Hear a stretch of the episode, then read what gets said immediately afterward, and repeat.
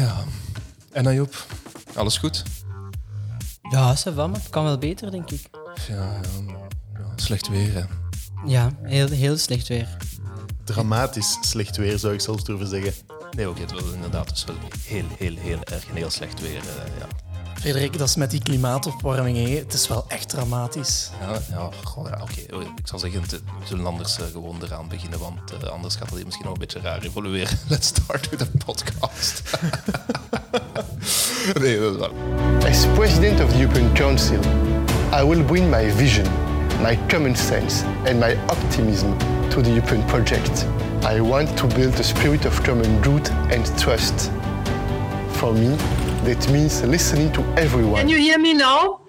Yes, yes, we can hear you.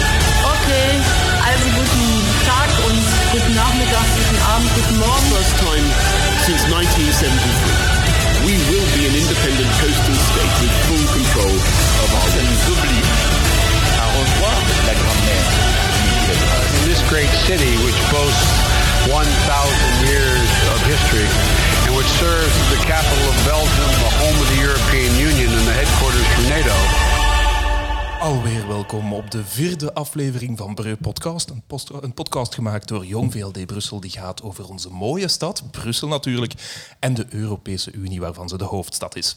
Vandaag opnieuw rond de tafel met Tim Bogaert, expert der experten, Ayoub El Adzaoui, Brusselair der Brusselaars, en een nieuwe gast. Lennart Hansen, Limburger der Limburgers. Welkom aan deze tafel. Tim, we gaan onze Eyes on Europe doen deze keer. Opnieuw eigenlijk, zoals we elke aflevering doen. Ehm, maar we moeten niet onnozel doen. Het weer heeft in Europa lelijk huisgehouden. Ja, Frederik, ehm, even ook wel wat duiding voor de luisteraars. ehm, en voor Lennart, als hij niet weet welke dag dat was. Eh, het is de 16e juli op dit moment. Dus eh, één dag nadat de hel is losgebarsten in verschillende Europese landen, namelijk Nederland, Duitsland en België. En ja, we zien er nu op dit moment allemaal de gevolgen van. Hè. Ehm, dus onze nationale feestdag, de 21ste, gaat op een eh, meer ingetogen manier doorgaan. Ja, dat is binnen vijf Eh, dagen zeker. ja, ja, ja. Allee, de vlaggen hangen al uit. Hè, op Ik de... weet het, want dat was eigenlijk ook mijn verjaardag. Maar Echt? Ben dat? ja, dat is mijn verjaardag, 21 juli. Sorry, maar ik heb onderbroken. Ga vooral. Ja, sorry, ik ben echt onder de indruk van dat nieuws. Ik ga nu echt helemaal eh, mijn verjaardagsplannen voor u anders moeten aanpakken. Ehm, en ja, de 20e wordt een dag van, van nationale rouw. Om even terug te gaan in eh, de, de, de penibele situatie waar we onszelf in bevinden. En ja, we moeten wel even stilstaan bij de doden en ja, gewonden. En, en de ravage dat dat heeft opgeleverd. Dat is, dat is bijna surreëel. Hè? En ja, de problemen waar dat dit vandaan komt, vallen gemakkelijk te zeggen. Hè. Enerzijds heb je ja, betonering en ja, de, laat ons eerlijk zijn, redelijk pourri ruimtelijke ordening ehm, van Vlaanderen en van eh, Wallonië, waar dat je eigenlijk te weinig ja, doorstroom hebt en wachtbekkens en zo. Maar bon, ik Ja, ben dat heeft geen, vooral te maken met, het, eh, met de huizenbouw in, in, in, in overstromingsgebieden. Ja, of, kijk, allee, ja, Ik, heb, ik heb gewoon geluisterd naar Frank de Bozer en ik ben aan het zeggen wat hij heeft gezegd. Frankie, I love you. ja. Maar we kunnen dat niet allemaal daarop steken. Nee, sowieso. En uiteindelijk, het belangrijkste is klimaatsverandering. Hè? Eh, want met de klimaatsverandering, wat, wat volgt er? Extremere weersomstandigheden. Kijk maar naar de bosbranden in Californië. Eh, kijk maar naar ja, eh, de uitbreiding van de woestijn. Kijk naar eh, acidificatie, dus de verzuring van oceanen. En nu ook hier in eigen land, heel dichtbij, watersnood. En watersnood op een absurde schaal. In West-Europa, ik denk dat we lang gedacht hebben dat dat eigenlijk iets van ver, ja, ver van ons bed was. Eigenlijk. Iedere keer ging het erover van, ah ja, kijk, kijk bien, temperaturen gaan naar boven, rustig op de bikini aan het strand in Gent, want daar gaat de zee dan komen. Super chill. Is dat niet in Ehm, Brussel? Ik denk dat het- dat Brussel is. ja, maar het gaat, in, het gaat, het gaat ehm, over verloop van tijd. Hè. Dus eerst in bikini aan Gent, dan in Brussel. Eh, maar het ziet er dus eigenlijk een pak slechter uit dan dat we de, dan dat Terug we naar de hadden. Ja. Iets te ver in de roots, als je het Ja. mij vraagt. eh. Ayoub, wat is u opgevallen? Goh, deze maand in Europa, dan zou ik toch wel zeggen, ja, mijn excuus is het EK. En dan toch wel met name Ja. de tafereelen die zich daar hebben afgespeeld. Dan denk ik bijvoorbeeld eh, ja, het knielen. Hè. Sommigen deden mee, anderen deden niet mee. Ja, daar hebben we het de vorige keer even over gehad, inderdaad. Het Ja. knielen tegen racisme en tegen discriminatie. Ja, inderdaad. Ja, ja. En eh, misschien een klein detail dat we vorige keer zijn vergeten, want ik was er niet.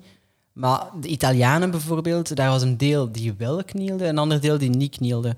En dan kwam de vraag opeens, wat als de Rode Duivels dat hadden gedaan? Wat als er, zeg maar iets, wat als een De Bruyne niet had geknield, maar een Lukaku wel? Eh, Wat voor tumult zou het dan voor gezocht hebben? Maar bon.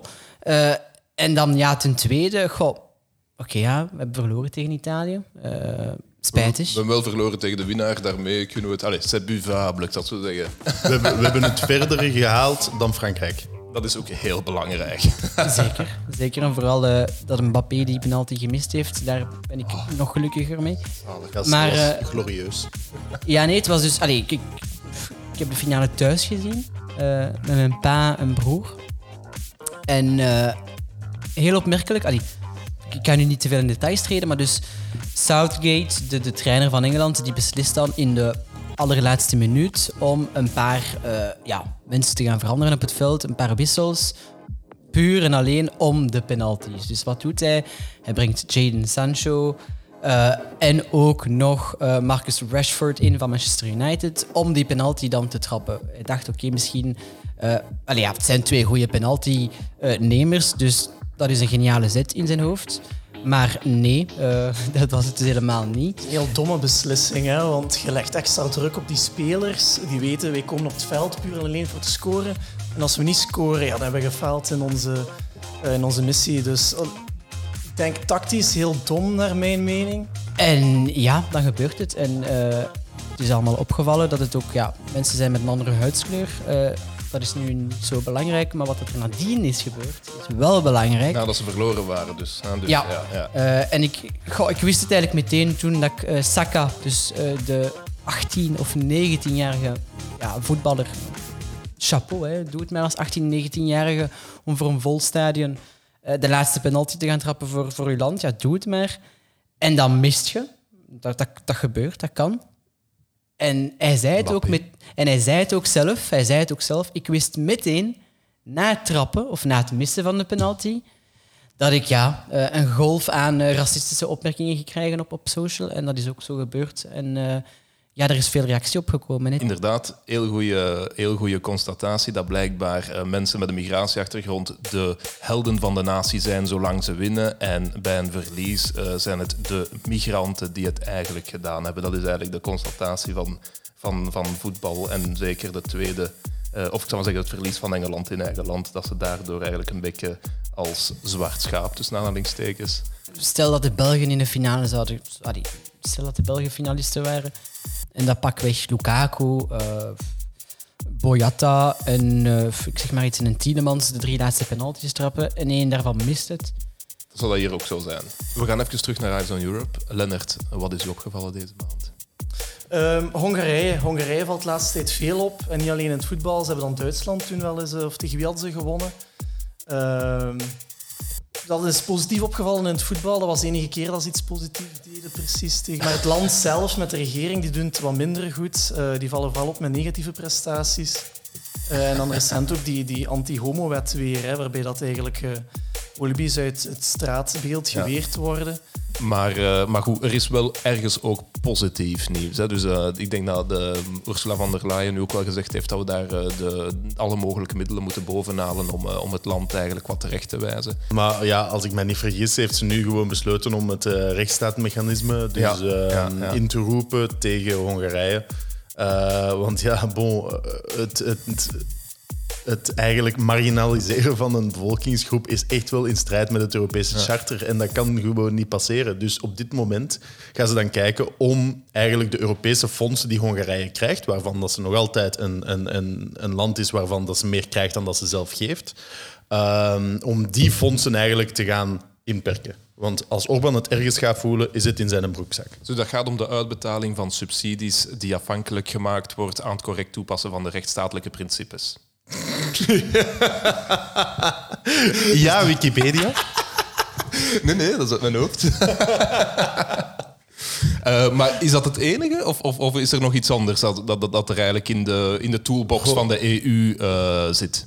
Goh, eh, ja, daar niet direct aan gelieerd. Maar als ik er eh, even aan denk, op dit moment is Hongarije het enige land waarvan dat het eh, relanceplan even on hold is gezet geweest. Eigenlijk afgewezen is geweest door de commissie. En dit vanwege zorgen over ehm, Ja. de corruptie.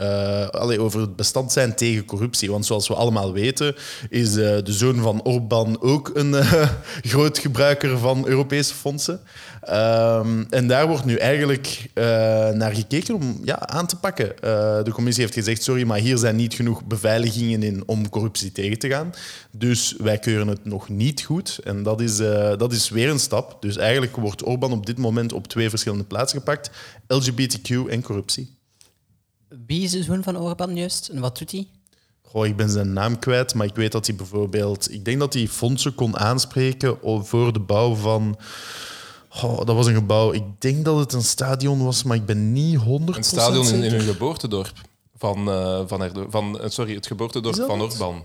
Dat kan, dat, Dat kan heeft hij zelf gebouwd, maar dat is al af. Dat is al Ah, gebouwd. wel, ja, maar Dat is, ik denk dat dat grotendeels gebouwd is geweest met Europese fondsen, ook met eh, zijn zoon als bouwheer Ja, ik heb die foto's gezien van, die, van, van, van dat dorp. Ik heb dat zelfs geretweet. Dat is eigenlijk echt hilarisch, want dat is zo een straat met vijf huizen en dan ineens een gigantisch stadion. Maar dat is echt hilarisch. En blijkbaar heeft hij ook een treintje laten aanleggen van zijn Oh. geboortedorp, wat ergens in de middle of nowhere van Hongarije ligt, tot, ik weet het niet, een paar kilometer verderop. Maar dat is dus inderdaad, ja, inderdaad allemaal met, eh, met, eh, met Europees geld. Ja, ik, ik, eh, ik, ik, ik, ja, ik herinner het mij nu inderdaad weer. Dat, ik, dat is echt absurd. Echt absurd. Hilarisch wel. Hè? Ja, kijk, als je naar Orbanville wilt, eh, dan, dan kun je de trein nemen. Ah, wel, ik zal u even zeggen. De naam van het dorpje is, houd u vast, eh Velsoet. Velsoet. Vensoet. Velsoet. Een gehucht van duizend man en het geboortedorp van Orbán. Genoeg reden dus om een stadion te bouwen van 4000 man. Eh, Oké, we dwalen af, we dwalen af. Eh, voor mezelf, om eh, de Eyes of Europe eigenlijk te beëindigen, voor mezelf, wat ik toch ook nog graag even wil zeggen, maar het is misschien zo'n belangrijk thema dat we misschien eens moeten kijken ehm, eh, dat we het op een ander moment doen, want ik denk dat we nu al een aantal andere dingen hebben die we misschien prioritair willen bespreken. Maar ik had graag gesta- stilgestaan bij het vertrek van La Grande Dame de l'Europe. Moetie. Moetie Merkel. Eh, maar na 16 jaar bondskanselierschap eh, is het bijna gedaan met haar. En ik denk dat vriend en vijand moeten toegeven dat zij toch het politieke landschap in Europa eh, gedurende die 16 jaar enorm vorm gegeven heeft. Dus ik weet niet, Tim, een keer iets mee doen, die Merkel-jaar? Ik denk het wel, hè? Ja, ik ben op zich wel fan van Merkel, zeker met eh, hoe dat ze haar schouders daar heeft gezet onder Common Lending. Ja, kijk, in het licht van de gebeurtenissen nu, eh, en dan ja, zeker wat dat zich afspeelt in Wallonië en, eh, en, en Limburg, denk ik dat het niet verkeerd zou zijn om even te praten over de strijd tegen het klimaat. Eh, nee, voor het klimaat, niet tegen het klimaat. Dat hebben we gedaan hiervoor. Tegen de klimaatopwarming. Ja, tegen de klimaatopwarming. En ja, het is ook wel heel toevallig, want 14 juli heeft de Europese Commissie haar grootste legislatief pakket ooit voorgesteld. Zeg, ik zie nu iets. Ehm 14 juillet. Is dat toevallig? Eh, ja, dat is toevallig. Ah. Dat, is, dat was niet de bedoeling. Oké. Maar ja, dus ehm, eh, het, het grootste legislatief pakket ooit, eh, Fit for 55 noemt dat. Eh, dat is een deel van de European Green Deal. En dat is eigenlijk het grootste pakket aan klimaatregelen. Klimaatregelen? Klimaatmaatregelen? Klimaatregelen? Portmanteau. Dat we ooit hebben gezien. Dat zijn twaalf legislatieve voorstellen. Eh, voor klimaat- en energiepakket. En eigenlijk denk ik, gezien de grootte van dit pakket, dat we het daar even over moeten hebben. Ja, ik denk dat je gelijk hebt. Lennart, is dat goed voor u? Mij is dat zeer goed. En wat willen we het dan nog over eh, hebben? Want we hebben twee thema's hè, per afleveringske. Ajoep? Racisme is zeker goed. Oké. Juist niet. Eh, thema 1 dan. Hè. We gaan het even hebben over klimaat en eh, de European Green Deal.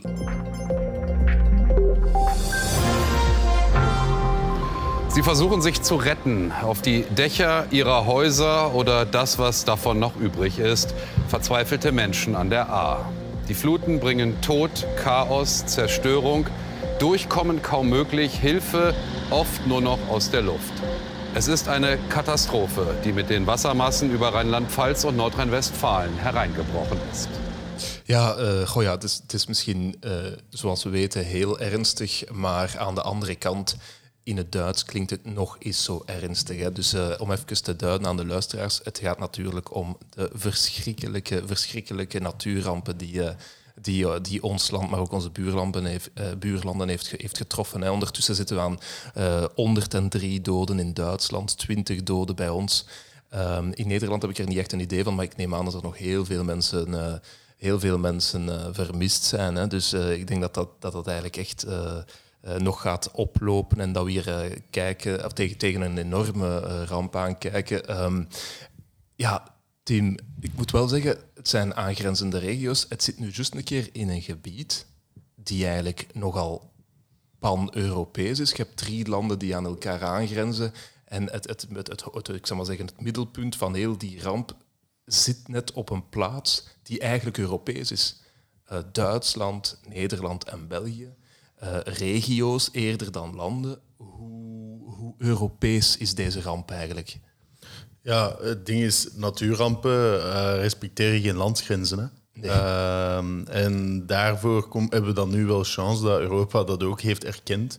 Eh, je hebt dat civiel beschermingsmechanisme, eh, waar dat we op zijn teruggevallen en waardoor, waardoor dat België nu eigenlijk de hulp heeft kunnen inroepen van een aantal andere landen. Dus bijvoorbeeld, ehm, er zijn nu meer dan 150 reddingswerkers uit Frankrijk, Italië en Oostenrijk eh, aan de slag. Ehm, Frankrijk, en, eh, dus ja, Frankrijk en Italië zijn hier al aanwezig, maar er zijn nog meer landen die ondertussen ook hun hulp hebben aangeboden. Ehm, en ja, volgens de commissie wordt nu hun hulp bekeken. Ehm, dus ja, we zullen, we zullen zien hoeveel mensen dat er uiteindelijk komen helpen. Maar het, het feit dat we op al die hulp konden rekenen, staat buiten kijf. Allee, de Defensie zei zelf, eh, onze defensie is daar nu aanwezig. Maar zonder de hulp van de legers van bijvoorbeeld Frankrijk was dat een nog grotere ramp geworden dan dat het nu al is. Lennart, ja, jij zijt gewoon van die buurt. Jij zijt gewoon van die regio. Allee, doet dat voor u meer pijn als Limburger dan voor ons? Allee, we vinden dat natuurlijk, iedereen vindt dat verschrikkelijk. Hè? Maar in Brussel eh, hebben we gelukkig tot vooralsnog niet die dramatische toestanden dat je bijvoorbeeld in Maastricht of, of, of andere streken in Limburg hebt. Ik weet niet, hoe kijkt jij daarnaar?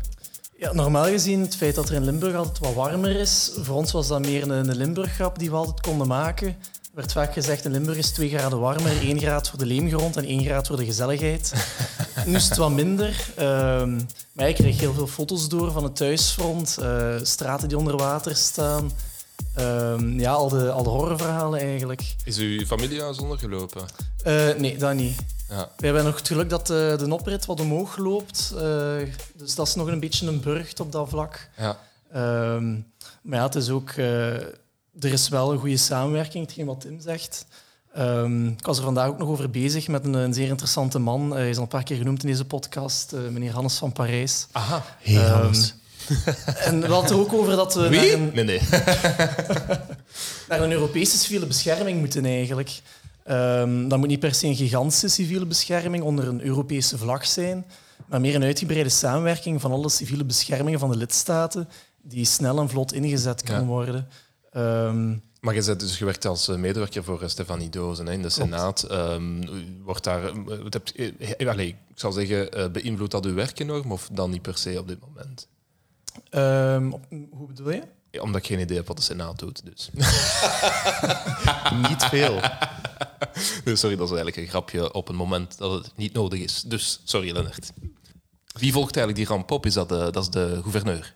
Eh, dat is eigenlijk de gouverneur, maar ook deels defensie. Dus hè, ehm, daarmee die sterke Europese samenwerking, dat je nu eigenlijk eh, ehm, naar een bottom-up samenwerking moet gaan. Als zoveel mogelijk Europese landen ehm, bottom-up samenwerken. Op die manier krijg je dat overkoepelende geheel.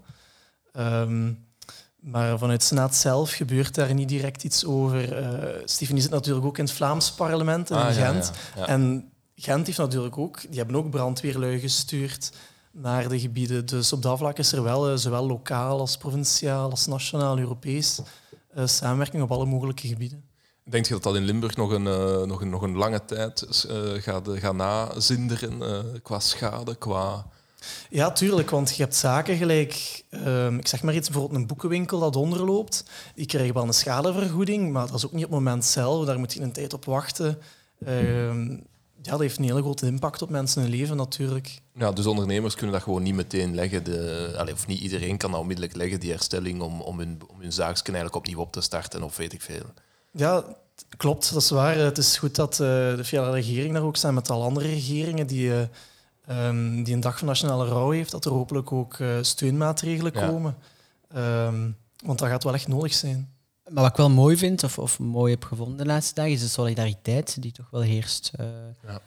Ik zeg maar iets, hè, mensen, allee, vrijwilligers van Blankenbergen of Oostende, eh normaal gezien komt daar nu een, een blacklist voor de probleemjongeren uit Brussel. Maar zij sturen dan wel opeens ja, de, de, de redders van zee die ja, toch wel gaan helpen in, haar, eh, in Wallonië. Sorry. Dus die solidariteit is wel mooi. Maar de reden, goh, ja, waarschijnlijk door de klimaatopwarming. Hè. Eh, dus Ah, de, ja, dat. allee, de situatie is toch wel redelijk uitzonderlijk. Eh, en ik heb naar, naar onze goede vriend Frank de Bozer geluisterd. En die zei ook wel dat, allee, dat je dan door de opwarming die hogere temperaturen krijgt. En dat je daardoor ook wel meer waterdamp hebt, die dan ja, neerdaalt als neerslag. En dat is niet enkel in België zo, maar ook in, ja, in Duitsland zo. eh, zoals, zoals we ook besproken hebben, maar ook in Nederland zo. Dus misschien is het ook wel slim om, op, ja, om op, op, op, eerder op, supranationaal vlak te kijken. Dan kijk ik eerder ook naar Europa. Ja, de, ja, bon, ja, de, de klimaatopwarming, het blijkt dan toch geen leugen te zijn, hè, Lennart. Ja, dat lijkt, eh, daar lijkt het op. Hè. Denk ook maar aan die golfstroom. De krachtigste warmste stroming over de Atlantische Oceaan is in duizend jaar niet zo zwak geweest. Ehm, dat schrijven Ierse, Britse en Duitse klimaatwetenschappers. En ze vrezen ook dat verdere afzwakking in Europa zal leiden tot drogere zomers en strengere winters. Ja, daar moeten we wel schrik van hebben, hè. is niet, Tim? Maar ik heb wel een goed idee, eigenlijk. Ik heb vooral schrik van wat nu gaat komen. Wacht, zet ik, ik aan de hoogte? Nee, ik- gezien dat Chloe er niet is, en gezien dat er nog zoveel klimaatontkenners zijn, lijkt het mij gewoon duidelijk om te zeggen, kijk, hè, als je het niet wilt begrijpen, dan zullen we echt een Mongolenliedje maken. Maar ook vooral die klimaatontkenners. Luister goed, want bij deze hebben we een liedje voor u gemaakt. Knoopt het in uw oren. Het gaat als volgt. De golfstroom uit Mexico. Meedoen, hè? De golfstroom uit Mexico geeft Europa H2O. Maakt ons klimaatje multiflow. Stroom, oh golfstroom, stroom. Maar het ijs op Groenland smelt, stroomt in zee met nat geweld. Raakt de golfstroom dan bekneld? Pas op, oh golfstroom, stroom! Hij gaat trager, shit, oh nee. Zo kapt die hele stroom ermee. Stroomuitval, maar dan op zee. En gevolgen geen idee. Koelen we af of juist niet? Gaat de wereld dan failliet? Stormen, droogte en verdriet. Golfstroom stopt maar niet. Nog eens, ja! De golfstroom uit Mexico geeft Europa H2O. Maakt ons klimaatje multiflow. Stroom, oh golfstroom, stroom. voilà. Als je het nu nog niet begrepen hebt, hè, wat vonden we ervan? Toch, toch een zalig liedje, toch? Kom aan. Ik heb echt schrik dat ik dat voor de komende drie dagen niet meer uit mijn hoofd ga krijgen. Eh, los van, eh, van al de zever over de golfstroom, want ik denk niet dat zever is hoor, maar dus echt het probleem van de golfstroom. Ehm, we gaan daar iets aan doen, hè, Tim. We gaan daar een oplossing voor vinden en daarvoor hebben we onze Frans Timmerman en de Europese Unie. Klopt? Dames en heren, het plezier stopt hier. Ja, sorry. Ja. Kijk, we kunnen over zo'n crisismoment niet constant lachen. Hè. Nee, inderdaad. Eh, ja, bon. Dus eh, ik hoop dat je genoten hebt van wat er juist is gepasseerd, want nu gaan we saai doen. Ehm, dus we hebben natuurlijk vanuit Europa... We zullen eh, het op Twitter smijten. de, de, de klimaatverandering. Ehm, dat is nu eenmaal de grootste crisis dat wij op dit moment zien voor onze maatschappij. En het probleem is dat om daarmee om te kunnen gaan, dat we onze volledige economie moeten veranderen.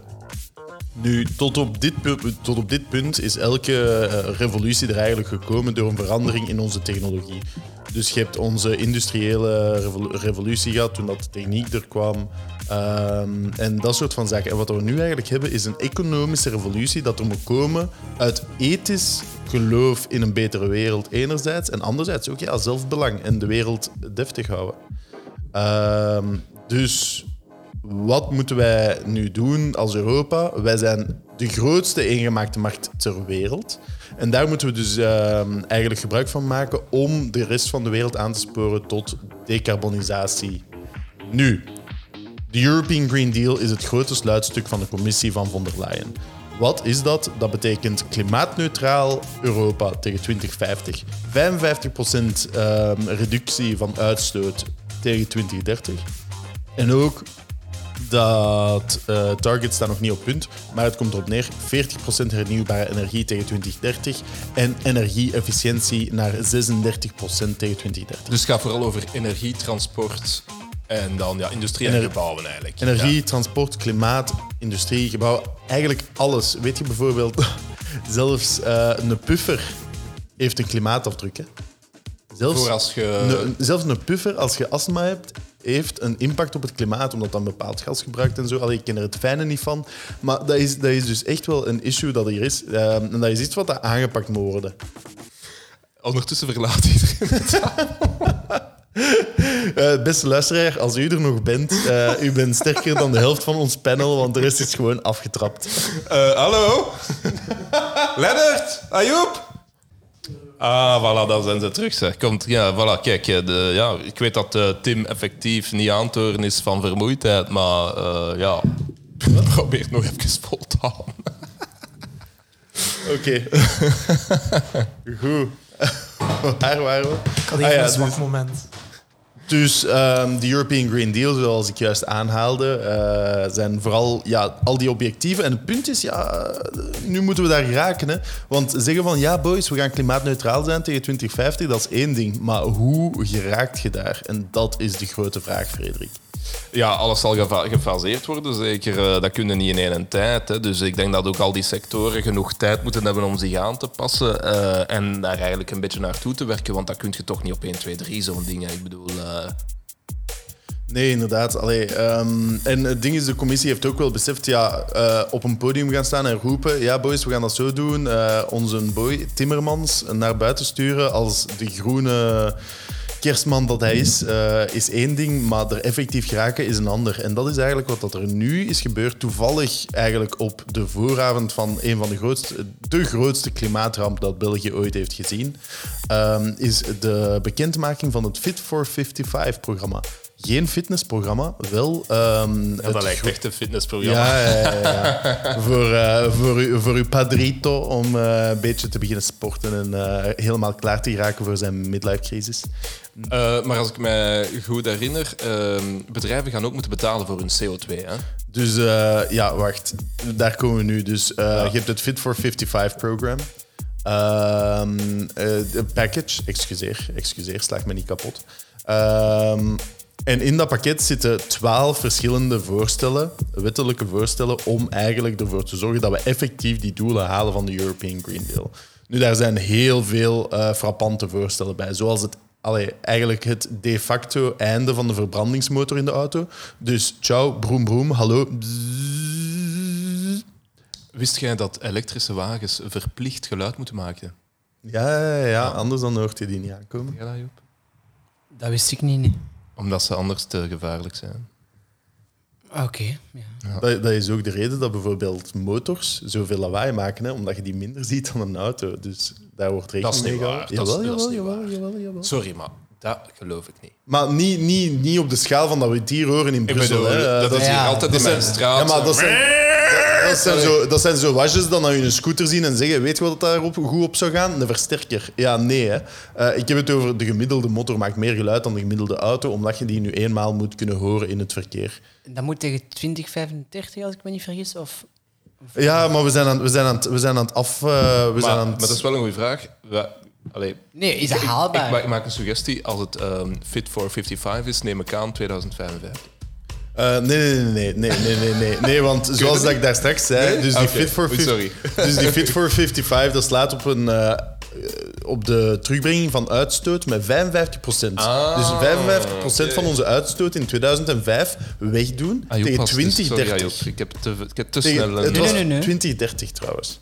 Ah, 2030. Yes, yes, yes. En op dit moment zijn ze nog aan het spreken over, de echte, over een echt verbod op de verbrandingsmotor. Maar er wordt vermoed tussen 2035 of 2040 ga je geen benzine- of dieselauto niet meer kunnen kopen.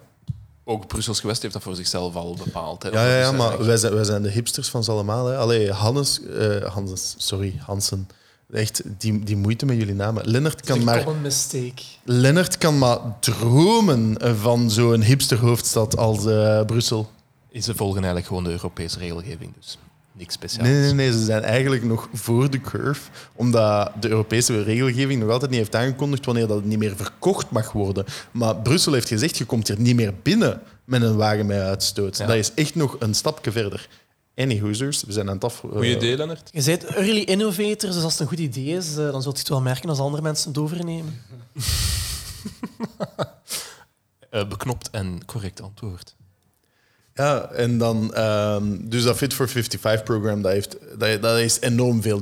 Die verbrandingsmotor, dat gaat ons het snelste opvallen. Want ineens, je gaat dan ja- januari 2035 of 2040, ik wil er vanaf, eh ga je dan naar uw lokale verdeler gaan en gaat zeggen, goeiedag, voor mij graag een Maserati met een V6. En die gaat zeggen, ciao, wilt je eh, een grote batterij of een kleine batterij? Daar gaat het eigenlijk over gaan. Dat gaat het direct voelen. Maar nog iets anders dat er gaat zijn bijvoorbeeld, is een Carbon, carbon Border Adjustment Mechanism, of CBAM. En dat gaat ervoor zorgen dat als je bijvoorbeeld staal wilt importeren in Europa, dat je een extra eh, importtax gaat betalen als dat staal op een, ehm, op een eh, heel vervuilende wijze tot stand is gekomen. Dus dan gaan we eigenlijk extra betalen voor de koolstof dat is vrijgekomen. En dat is eigenlijk heel belangrijk. Zo, die prijs dat op koolstof wordt geplakt. Want bijvoorbeeld nu hebben we het Emissions Trading System. Dus de industrie moet extra betalen voor alles wat dat ze uitstoten. Dat wordt nu ook verlengd naar transport en naar gebouwen. Dus als je een, een gebouw hebt met een boiler, pas op, want je verwarming gaat, gaat duurder worden. Ik heb een boiler, maar dat is een nieuwe. Ja, ja, ja, maar een, nieuwe of niet, eh, het gaat ervan afhangen. Dus eigenlijk, Ja, wat maar is een gaan- op gas, je moet toch je, je huis kunnen verwarmen? Ja, ja, ja, maar de prijs van uw gas en de prijs van uw, eh, van uw mazoet gaan naar boven gaan. Omdat er komt dus een tax voor de suppliers op hoeveel uitstoot dat ze doen. Want Ja, maar- eigenlijk is de bedoeling dat iedereen overstapt op warmtepompen. Ja, maar een warm... Allee. Warmtepompen, ik zit in de architectuur. Ja, ja. Eh, no way, José, in een stad als Brussel. Hè. Waar dat je huis naast huis hebt. Ik bedoel, je hebt ruimte. Je hebt echt ruimte nodig voor warmtepompen. Dat onttrekt de warmte uit de grond. Als jij die onttrekt, kan uw buur die niet onttrekken. En vice versa.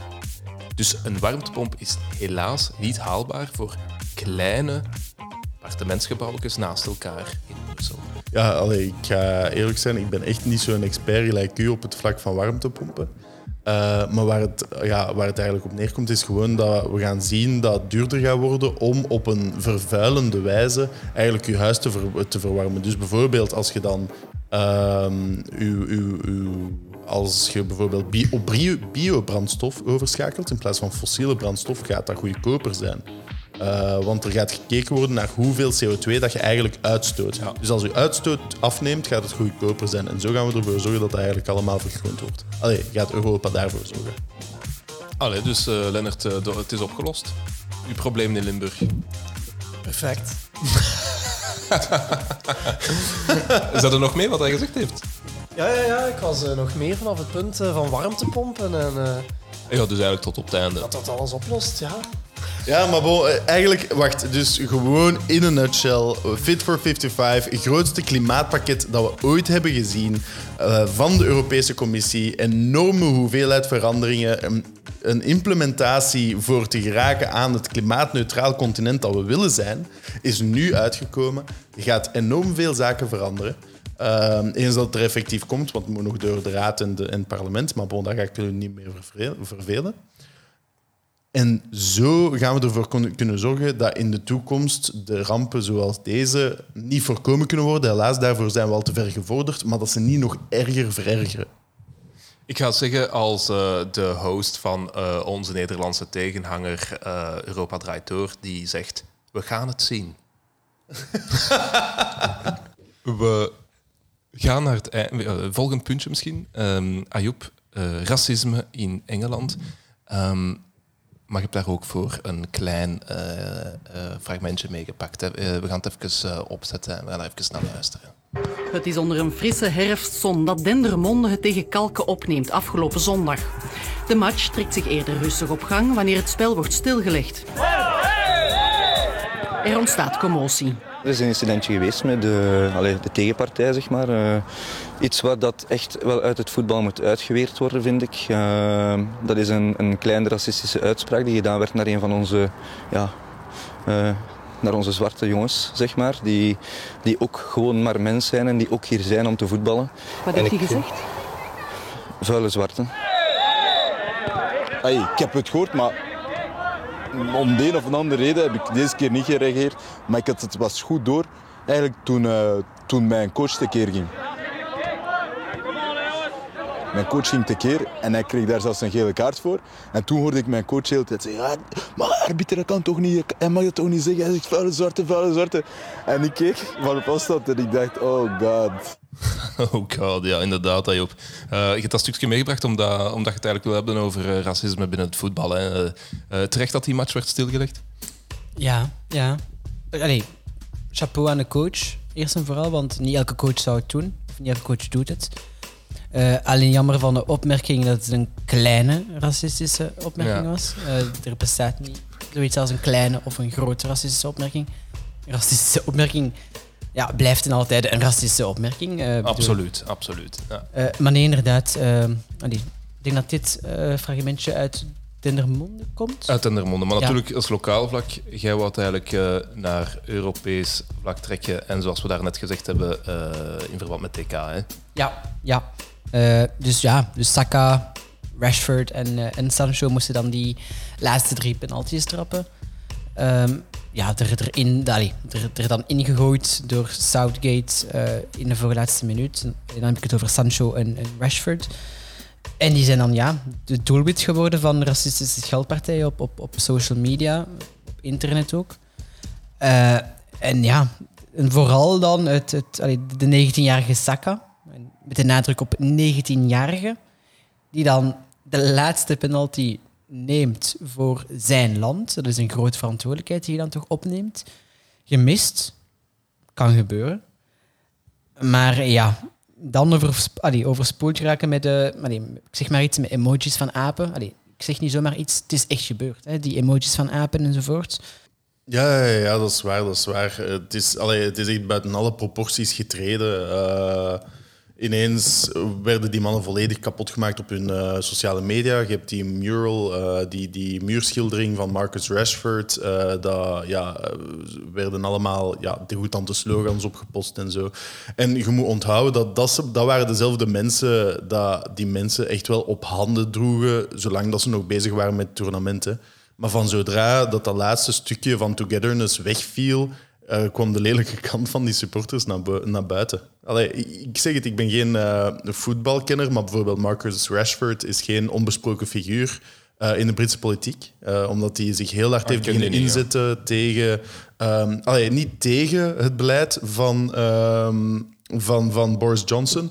Maar die heeft echt eh, full zitten pushen voor ehm, beter armenbeleid, betere steun voor bijvoorbeeld kinderen in scholen, eh, voedselpakketten en zo.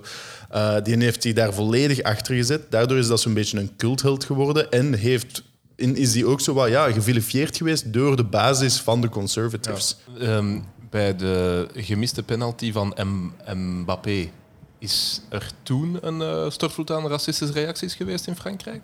Goh, de, ze waren er, eh, maar minder dan, dan, dan nu. Ja. Eh, in die zin dat Mbappé toch wel... Goh, Want ik, ik vind het frappant dat we eigenlijk bij de vorige aflevering hebben we nog zitten spreken over het feit dat er in Wales een heel eh, discussie is ontstaan bij het knielen of niet. Omdat ja, het zou misschien wat te ver gaan of het zou niet meer echt gaan om wat het gaat en meer een soort van reguliere daad eh, die eigenlijk weinig betekenis heeft. Eh, maar je zou nu opnieuw kunnen zeggen van ja, absoluut dat knielen voor een voetbalmatch is absoluut essentieel. Goh, pas op, er zijn zelfs mensen met een donkerder huidskleur die dat niet essentieel vinden. Ja. Vooral als het zo frequent gebeurt, dat de essentie dan opeens verdwijnt Ja, van het ja. knielen. Eh, ik persoonlijk vind van niet. Eh, je ziet het voorbeeld nu ook op het EK. Eh, België tegen Wales. Ik denk dat iedereen dan geknield heeft, zowel van Wales als van België. Zowel, en zelfs de, scheids, eh, de scheidsrechter Hebben wij tegen Eh, Wales gespeeld? wat zei ik nu? Eh, Italië. Nee, nee, nee, wacht, wacht, wacht. Wat zei ik nu? Wales? De- Portugal. Nee, wacht. Hè. Een van de eerste... Wacht, hè. De eerste wedstrijd was tegen... Maar nee, de, de poelenmatch. Dat was een poelenmatch. Kroatië? Niet. tegen... We hebben duidelijk collectief het verlies van de Rode Duivels al eh, proberen verwerken door het gewoon niet meer eh, in ons geheugen te hebben. Ja. Maar wacht. Denemarken. Ik ga wat? Tegen Denemarken, dank u. Ja, ja, Tegen Denemarken, ja. Toen, was, allee, was zelfs, toen was zelfs de scheidsrechter op zijn knieën. eh, en dat vond ik heel mooi. Ja. Snapte, dat was heel mooi.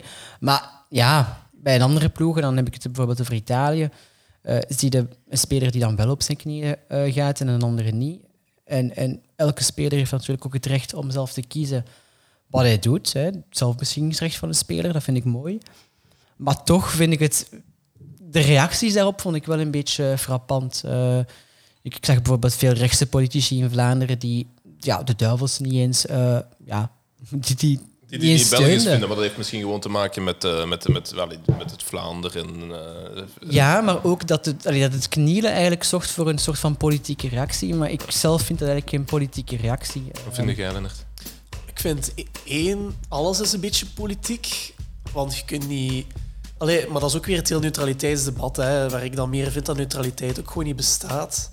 Ja, Ehm, absolute neutraliteit wilde zeggen. Ja, voilà. Je hebt altijd een zekere eh, dingen wat je uitstraalt. Allee, iedereen heeft zijn eigen meningen en je kunt niet plots iets anders worden. Of, eh, ehm, en in dat voetbal heb je dat ook. Hè. Je hebt eh, ehm, die spelers die ook als die een statement willen maken. Ja, als je niks doet, dan maakt je ook een statement. Ehm, Dank u. En dat, heb je door heel, heel IK gezien. Hè. Je hebt dan ook die match Duitsland-Hongarije gehad, waarbij alle Duitsers dan ook een, eh, een, een, eh, regenboogvlaggen meenamen. Dat stadions die in de kleuren gehuld waren, ehm, regenboogkleuren. En in heel Europa eigenlijk. Maar daar heeft eigenlijk eh, de UEFA een statement gemaakt dat ze zich wel eh, laten onder druk zetten en wel die waarde van respect dat ze zo, zo willen uitdragen, uiteindelijk toch met de voeten treden als het erop aankomt. Ja, de, de UEFA is op dat vlak een beetje een hypocriete organisatie. Hè. Nu zijn we het eens. Want je zit ook met Qatar en eh, Ja, absoluut, al ja. die problematiek daar rond. Dus de UEFA ja, zijn zeker geen, geen engeltjes. Ja, maar allee, ook het cola-verhaal van Cristiano Ronaldo. Daar, allee, daar is het debat ook een beetje begonnen. Hè. Een voetballer is nu meer dan een voetballer. Een voetballer is nu ook een activist. Ehm, en voor mij kan dat als de voetballer ook zelf beslist of zelf kiest om dat te doen. En niet als het zo ja, een beetje wordt opgedrongen. Eh, maar ja, het, is, het heeft wel een beetje voor eh ja, schrijnende tafereelen gezorgd. Ook gewoon dat er bijvoorbeeld gefloten wordt met het Italiaanse, met het Italiaanse volkslied tijdens de finale, vooral door Engelse supporters. Eh, en, en Boris Johnson zei ook duidelijk van, guys, don't do it. Van, respect staat nog steeds op één, maar toch Maar is is, het is dat ook niet buiten de voetbal? Hè? Is not coming home, but is going to Rome. Of went to Rome. Maar aan de andere kant, hooliganisme, is dat ook niet iets Brits? dus dat is wel... Maar ja, die, We mogen die- niet veralgemenen. Maar die, die, bekend, denk ik. die vurtheid zit inderdaad in het hooliganisme, maar ik denk dat we ook niet mogen vergeten dat dat eigenlijk wel echt een bredere stroom is. Je ziet dat overal wel... Allee, rechtse partijen scoren goed. Ehm, en dat is, dat is een bredere onderstroom. Je hebt dat ook gezien nu, gelijk, sorry, maar de reacties iedere keer als de duivels knielden waren echt niet van de poes.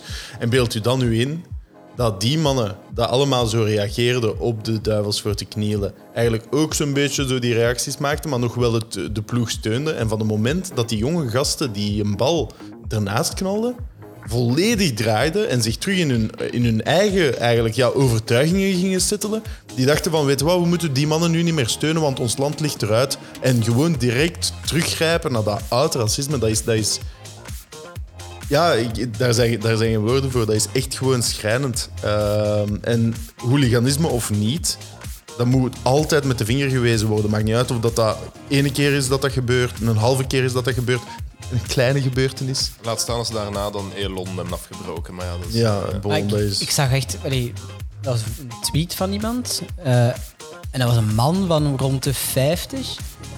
En die was dan aan de uitgang, allee, aan, de, aan zo'n binnenkoortje van Wembley, aan zo'n uitgang van, van, van een tribune. En elke gast, maakt niet uit wat er nu een kind was of, of, of maakt niet, die sloeg daar gewoon op. Hè. Dus je zag dan gewoon echt een man die elke passant gewoon begon te slaan ehm, voor de fun. Ik moet wel zeggen, eh, we denken allemaal, het is in Engeland. Eh, ik weet eh, heel goed dat er hier, in, dat er hier op de Ansbachlaan een Italiaan is aangevallen toen we daar zijn verloren van Italië. Ik bedoel, soms hebben mensen maar gewoon een of andere trigger nodig. En gaat het eigenlijk niet om het spel, maar gewoon om de trigger om eh, een klootzak te kunnen zijn eigenlijk. ja, maar bedoel, het is heel gevoelig. Hè.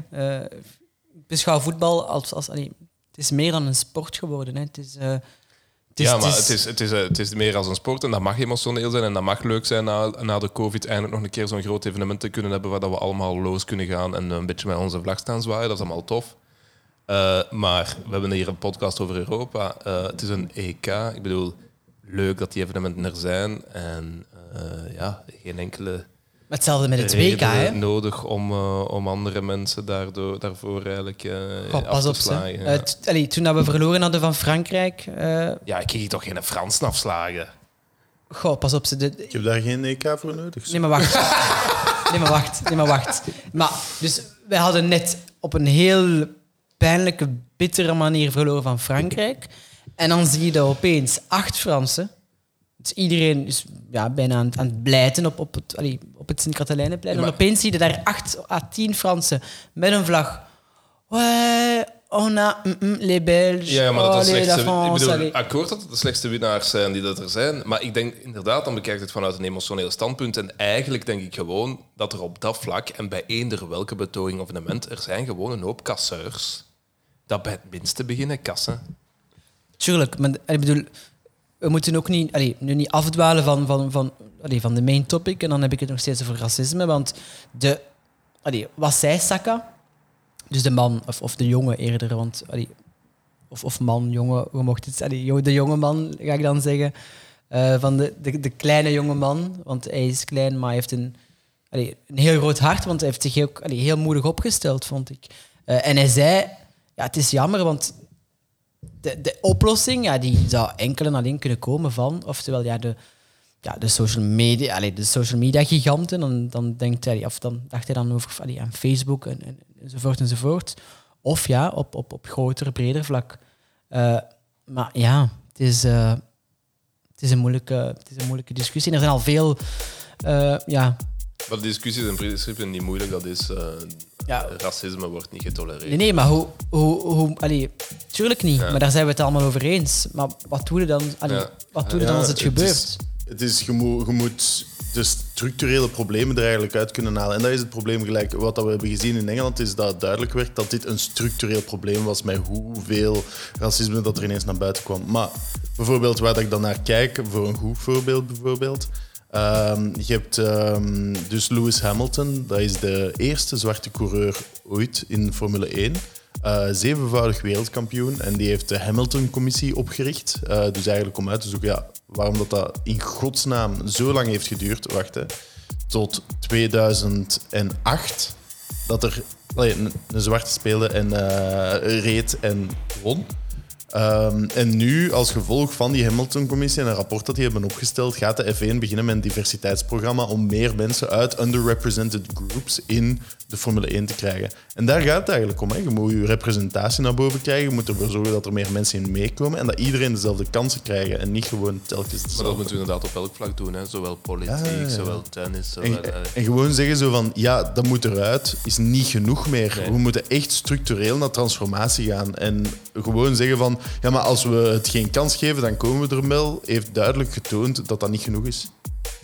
Afsluiten, wie gaat er hier eigenlijk op reis? Ayoub, ga je op reis? Eh, nee, maar ik ga wel gaan studeren in Noorwegen. Erasmus Plus. Ah, putain, dankzij ja. Europa. Ja. Hey, Dus, kijk, eh, cool. Koning. Ja, ik kijk er wel naar uit. En ik heb zo horen vallen dat Jong VLD Brussel gaat bezoeken. Maar eh, iedereen is welkom. Beste luisteraars, tijden. graag naar Leuven Ah, nee, nee, nee, nee, nee, nee, nee. nee. Oh, oh. Nee, maar Maar Ja. geen, je hebt geen Ik heb graag- COVID, je hebt geen COVID-paspoort nodig. Je hebt daar, allee, daar is niks over gezegd geweest. Eh, nee, maar ik, ik ga tegen dan mijn tweede prik al, allee, al gekregen hebben. ik heb dus, het ook al, hè. Ja. Maar, allee, veel ja. complicaties ga ik denk ik niet hebben. Behalve als ze moeilijk gaan doen om, om, om Delta variant. Maar bon. Wil je op reis, Tim? Yes, ik ga naar Spanje. Ns, ns, ns. Oei, dat is rood. Ja, ja, ja, maar bon, het gaat helaas geen ns, ns worden, want ik weet niet of dat de clubs open zijn. Eh, maar ja, ik ga in het Spaanse zonnetje een keer mijn eh, spierwitte huid gaan eh, tonen aan de zon. Ik heb er echt al schrik voor. Hola, que blanca. Hola, ¿qué tal, tío? Eh, COVID-paspoort in orde? Eh, helaas nog niet, maar ik verga pas op vakantie in september. Ah ja. Deze man denkt vooruit. Nou, nou, ja, dat kan niet anders hè, met zo'n kop. en jij? Ik denk niet vooruit. Want eh, ik ga binnen ooit eh 1, 2 weken naar Parijs. Ah. Eh, maar ja, nu is het dus allemaal met al die PCR-tests. En ik raak niet snel ergens binnen, denk ik. Maar als ik, ik heb nu die applicatie gedownload.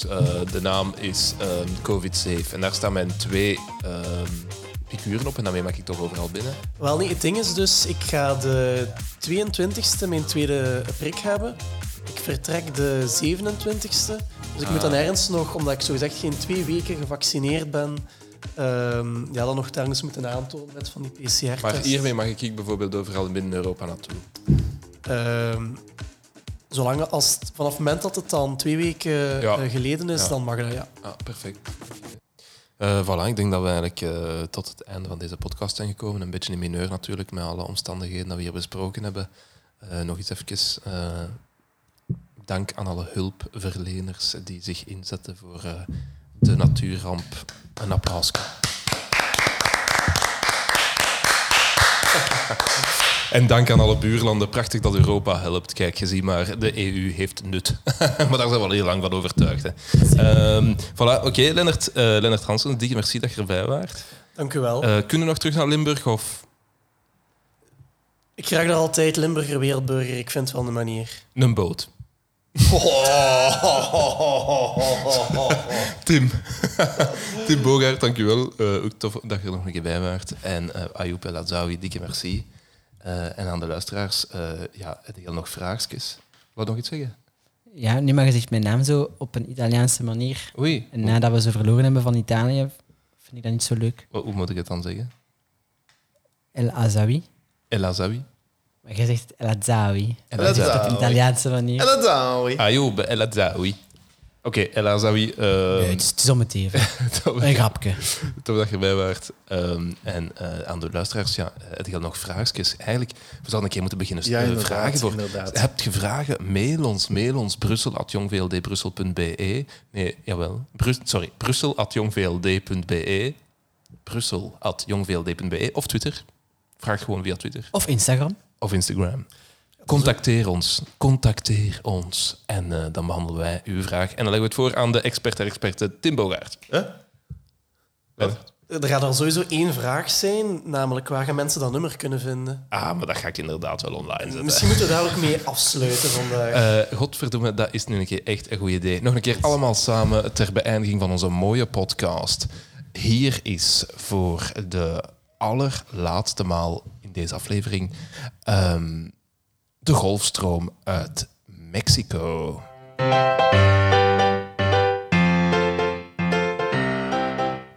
De golfstroom uit Mexico geeft Europa H2O. Maakt ons klimaatje multiflow. Stroom, oh golfstroom, stroom.